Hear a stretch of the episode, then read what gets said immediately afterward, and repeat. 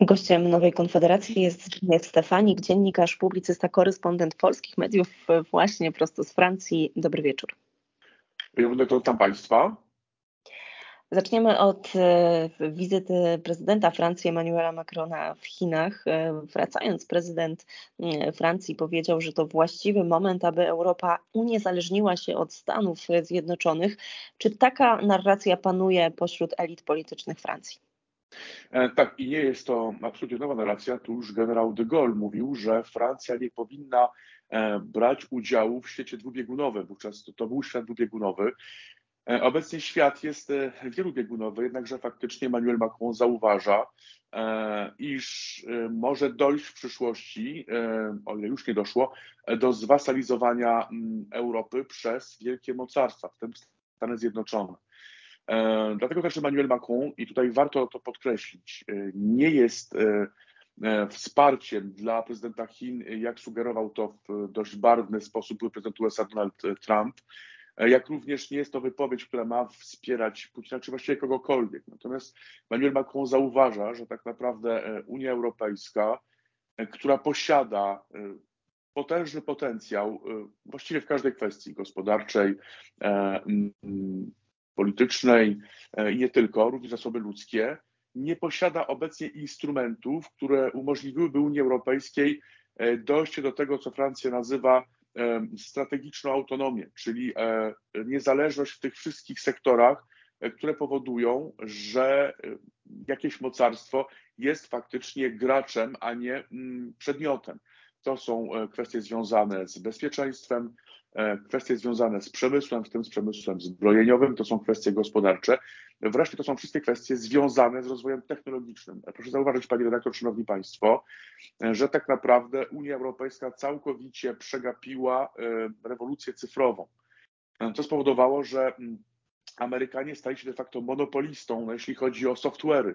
My dzisiaj nie mamy software'ów europejskich, my nie mamy portali społecznościowych na miarę portali amerykańskich. De facto my jesteśmy klientem czy też wręcz petentem w kwestiach y, cyfrowych wobec USA. E, czeka nas kolejna rewolucja, to jest rewolucja sztucznej inteligencji. E, ta rewolucja, ona już się toczy, ona, ona nie będzie zatrzymana, ona się już toczy, ona będzie się rozwijała. E, jednakże w tej rewolucji mamy dwóch graczy obecnie, to są Stany Zjednoczone i Chiny. Unia Europejska po raz kolejny nie bierze udziału na równym poziomie z tymi mocarstwami no właśnie w tej rywalizacji. To wszystko powoduje, że jeśli Unia Europejska nie podejmie konkretnych kroków, to faktycznie stanie się petentem. E, z pewnością domyślacie się Państwo, pewno się domyśla, że inaczej e, mocarstwa takie jak Chiny czy USA będą traktowały petenta e, niż do żadnego partnera. To jest oczywiste. Miejmy bowiem na uwadze, że w stosunkach międzynarodowych nie ma czegoś takiego jak pojęcie wspólnoty wartości. To nie istnieje, szanowni państwo, pani redaktor.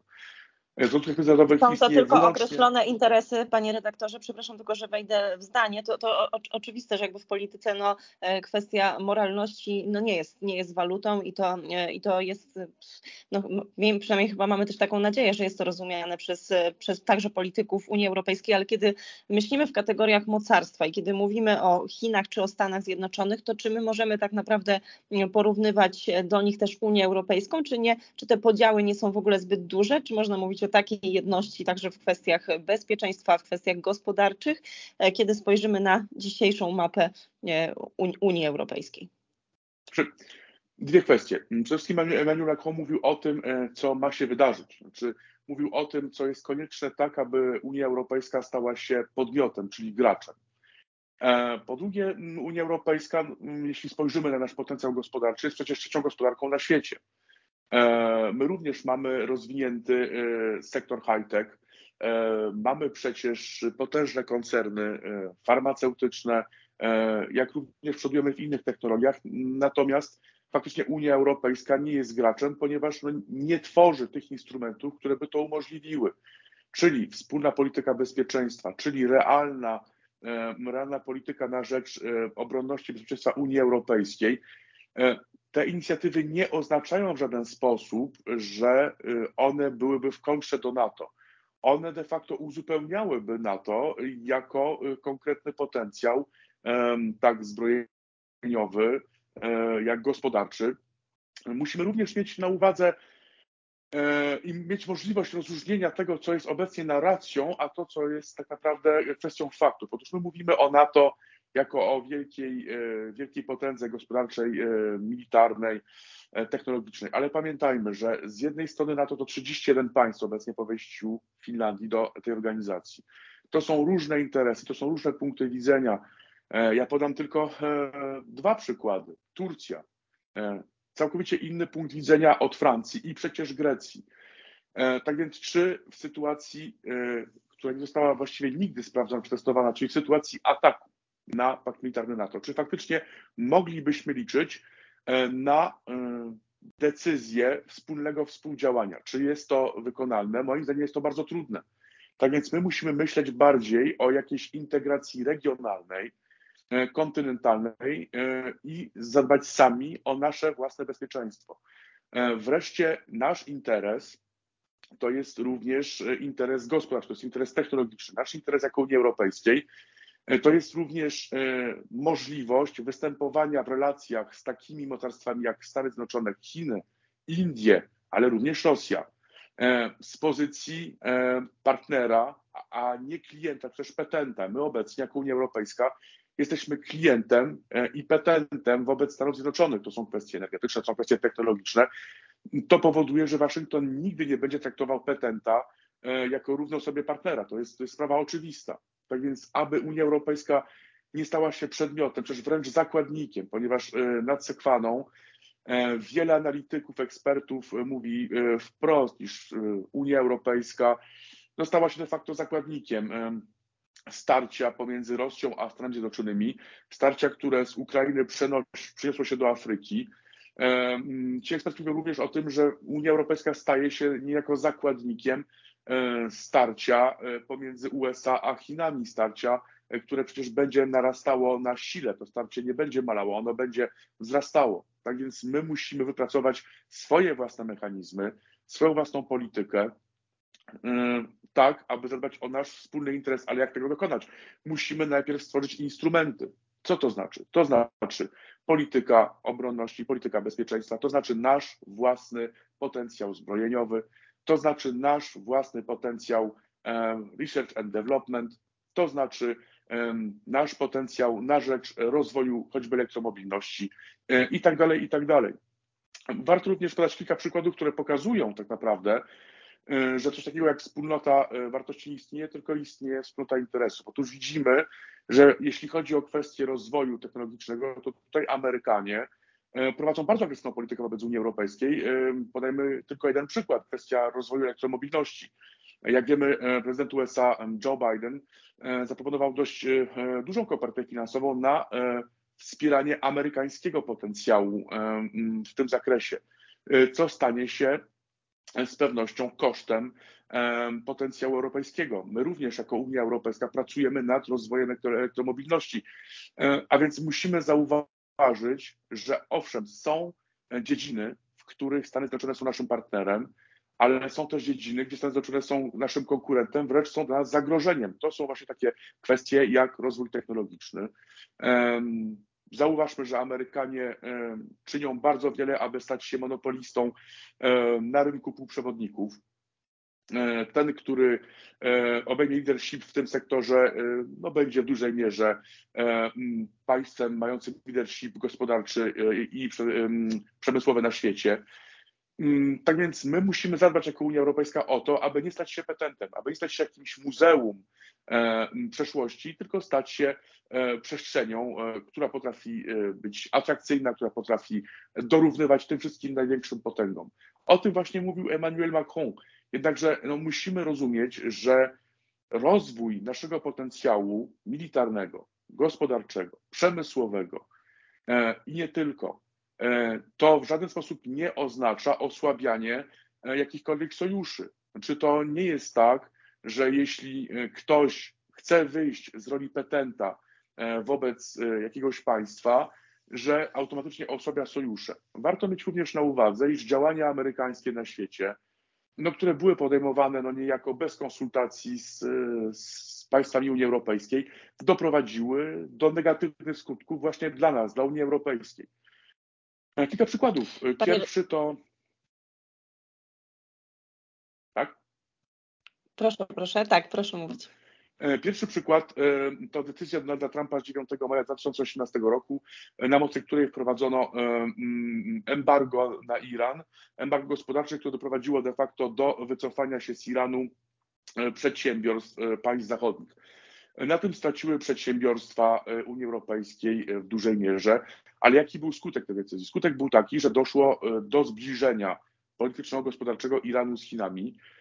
Dzisiaj ten polityczny gospodarczy trójkąt Iran, Chiny, Rosja e, prowadzi dość skuteczną politykę na Bliskim Wschodzie. Mm, ta polityka daje się we znaki USA, jak również Unii Europejskiej. Mm, kolejny przykład, wojna w Iraku. Amerykanie postanowili w roku 2003, no de facto przy sprzeciwie, dużym sprzeciwie państw europejskich, e, dokonać inwazji na Iran. Dzisiaj tej decyzji właściwie nikt nie broni, zdaje się również już w Polsce w Polsce, kiedy popierano tę decyzję 20 lat temu, obecnie też również tej decyzji nikt nie broni. Mm, jaki jest skutek e, tych działań? Skutek był taki, że doszło w wyniku e, tej interwencji do implozji państwa irackiego, co z kolei doprowadziło do utworzenia takiej organizacji właśnie jak ISIS. Skutki interwencji amerykańskiej w Iraku odczuwamy po dziś dzień, tak więc tutaj działania amerykańskie e, które są podejmowane często bez konsultacji z kimkolwiek, dają się we znaki Unii Europejskiej. My musimy mieć taki potencjał i takie realne możliwości oddziaływania, aby zatrzymywać te działania poszczególnych mocarstw, które nam e, dają się we znaki, że są dla nas szkodliwe. E, my jako Unia Europejska, chociaż podejmowaliśmy takie kroki, Francja podejmowała takie kroki, nie byliśmy w stanie powstrzymać e, agresji rosyjskiej e, na Ukrainę. 20 lat temu nie byliśmy w stanie również powstrzymać e, amerykańskiej interwencji w Iraku. Dlaczego? No ponieważ nie posiadamy własnej armii, e, jako Unia Europejska, nie mamy potencjału e, zbrojeniowego. Tak naprawdę uzależniliśmy się w tych wszystkich kwestiach od Stanów Zjednoczonych, ale właśnie to powoduje, że w tych poszczególnych kryzysach my jako Unia Europejska stajemy się tak naprawdę absolutnie bezradni. Stajemy się zakładnikami tych sytuacji, które są wytwarzane przez wielkie mocarstwa. E, I o ile faktycznie, e, jeśli chodzi o retorykę polityczną i przekaz mówiącym o wsparciu dla Ukrainy jako e, wspólnotę wartości, no to zauważmy, szanowni państwo, panie redaktor, że to wsparcie nie jest za darmo. Znaczy, to nie jest tak, że Amerykanie udzielają wsparcia Ukrainie z dobrego serca. Oni na tym wsparciu zarabiają konkretne kwoty. Ich przemysł na tym zarabia, jak również mają plany na przyszłość. Pytanie, co my, Unia Europejska, mamy z tego wsparcia E, i co my będziemy z tego wsparcia mieli.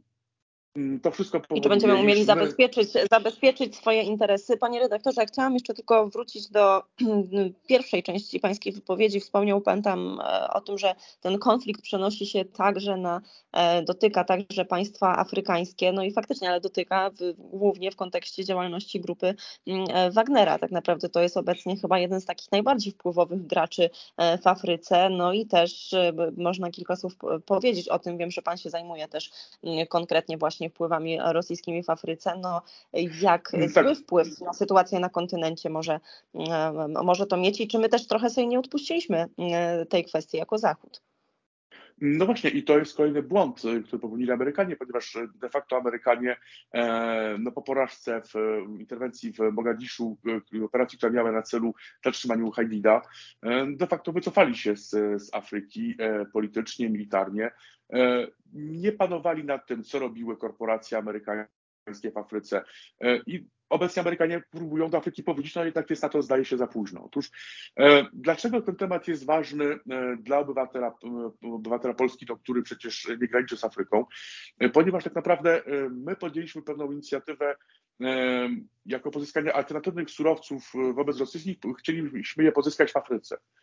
Rosja jednak podjęła działania, które próbują nam to uniemożliwić. I właściwie jeśli nie zostanie zatrzymana ekspansja rosyjska e, w Afryce, e, to za e, kilkanaście miesięcy wręcz, to się stanie bardzo szybko, my jako Unia Europejska będziemy mieli następujący wybór. Albo kupować surowce z Rosji, albo kupować surowce z Afryki na warunkach Kremla ponieważ Kreml może de facto przejąć kontrolę nad tymi wszystkimi państwami, e, z którymi to Unia Europejska chce zawierać umowy o współpracy importu e, surowców.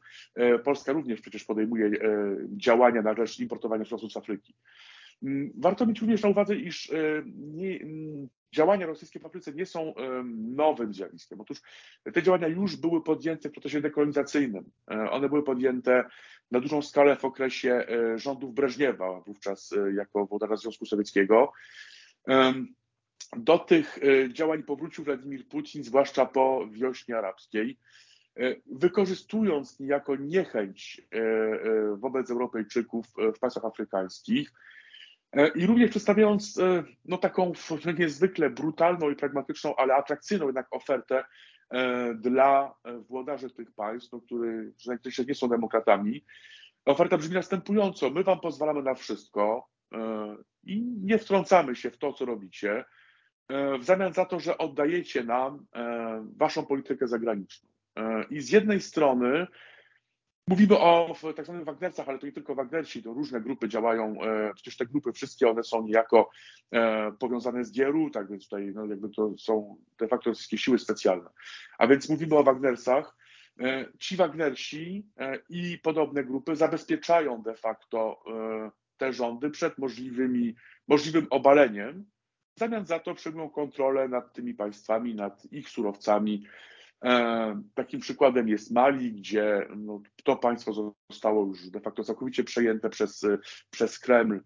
Mm, dochodzi w tym państwie do, do wielu zbrodni. Otóż no, mówimy wiele o zbrodniach w Ukrainie, ale warto również by było powiedzieć o tym, co dzieje się w Mali. Tam dochodzi do, do, do straszliwych zbrodni pod pretekstem walki z terroryzmem. Siły rządowe atakują zabijają cywili, e, okradają populację cywilną. Tak więc sytuacja jest dramatyczna. To wszystko przy wsparciu e, tak zwanych Wagnersów. Mm, tak więc Rosja, korzystając, jak już wiem, z niechęci e, wobec Francji, wobec państw europejskich, korzystając również z tego, iż rządy te potrzebują pewnego parasola ochronnego, rozwija tak naprawdę ten parasol ochronny i zyskuje na wpływach w, w Afryce jako również współpracując e, przy tym z Chinami, ponieważ e, obecnie no, toczy się potężny bój, e, bój, którego my nie widzimy tak naprawdę, jest on dość niewidoczny, przynajmniej z perspektywy zdaje się Polski, ale on jest naprawdę bardzo intensywny, o Afrykę pomiędzy Rosją z Chinami, właśnie Unią Europejską, w tym głównie Francją. Amerykanie również przystępują do tego boju. To jest jakby niezwykle brutalny bój, który właśnie toczy się na naszych oczach. To jest bój o surowce, to jest bój o wpływy polityczne. E, to jest e, sytuacja no, niezwykle brutalna i skomplikowana, którą warto analizować, ale ona będzie miała daleko idące skutki, bo jeśli my jako Europa przegramy Afrykę, no to wówczas znajdziemy się w sytuacji, gdzie będziemy pozyskiwali surowce afrykańskie na warunkach rosyjskich. Tak więc jest to sytuacja niezwykle skomplikowana pytanie, czy my mamy konkretne argumenty. I to jest jakby kolejny przykład na to, że Unia Europejska musi prowadzić e, e, strategiczną, suwerenną e, politykę, ponieważ jeśli my chcemy doprowadzić do sytuacji, gdzie faktycznie mm, zabezpieczamy możliwość niezależnego importu surowcowego z Afryki, to musimy tym państwom afrykańskim wziąć jakąś ofertę. Aby tę ofertę złożyć, potrzebujemy dwóch rzeczy. Po pierwsze, musimy być wiarygodni, a nie jesteśmy. Mm, po drugie, musimy mieć konkretne środki, e, aby taką inicjatywę podjąć. No, takich środków tak naprawdę nie podejmujemy. I takim przykładem jest operacja antyterrorystyczna e, prowadzona przez Francję i koalicjantów e, w Mali i państwach Sahelu. Na czym polega kłopot ta operacja? Otóż ta operacja toczyła się przy zdecydowanie za małych nakładach finansowych i logistycznych, co doprowadziło w efekcie do braku jej skuteczności. Jaki był finał operacji Barkan? Warto o tym powiedzieć. Otóż Francja, e, no, będąc świadoma tego, że ta operacja nie przynosi tak naprawdę oczekiwanych skutków, postanowiła wycofać swoje siły zbrojne, informując o tym huntę, która przejęła władzę w Mali, doprowadziła do zbliżenia tak naprawdę tejże hunty z Moskwą, ponieważ hunta ta potrzebowała parasola ochronnego przed dżihadystami i ewentualną opozycją i po prostu y, nawiązała współpracę z Rosją Putina, która po prostu ten parasol jej zagwarantowała. Tak więc y, my musimy absolutnie, jeśli chcemy uniezależnić się od Rosji pod względem surowcowym, nawiązać trwałą współpracę z Afryką, ale do tego potrzebujemy instrumentów finansowych, gospodarczych i musimy być przez to wiarygodni, a obecnie nie jesteśmy. Mm, dlatego też no, jesteśmy no, petentem tak naprawdę wobec USA. Dopóki będziemy petentem, z pewnością nie będzie mowy o suwerenności Unii Europejskiej, suwerenności gospodarczej, technologicznej. I właśnie o tym mówił Emmanuel Macron. Jeszcze kończąc, chciałbym, jeśli mm, Państwo pozwolą, jeśli Pani pozwoli, wyjść z takim apelem. E, w mojej opinii nie powinno e, każdego, e, nie powinno się każdego, który no, krytykuje niejako podjęte decyzje, no, które jednoznacznie stroną Amerykanów, nazywać agentem Putina czy agentem Xi Jinpinga. Otóż ta debata powinna się toczyć, ponieważ tutaj historia nie rozpoczęła się 24 lutego zeszłego roku e, i ta historia się toczy jakby od wielu lat, tak więc jakby no ten bój o wpływy na świecie pomiędzy mocarstwami, on się toczy, on się będzie toczył. E, I Unia Europejska e, musi również odnaleźć się w tej trudnej sytuacji. Jeśli nie będziemy toczyli rozmów dotyczących konkretnych instrumentów, jeśli przyjmiemy a priori, że Unia Europejska powinna de facto współpracować z USA, ale na takiej zasadzie, że to Amerykanie e, grają główne skrzypce, pierwsze skrzypce, jeśli chodzi o kwestie obronności, kwestie gospodarcze, technologiczne, to tak naprawdę nasza rola, nasze znaczenie e, będzie maleć.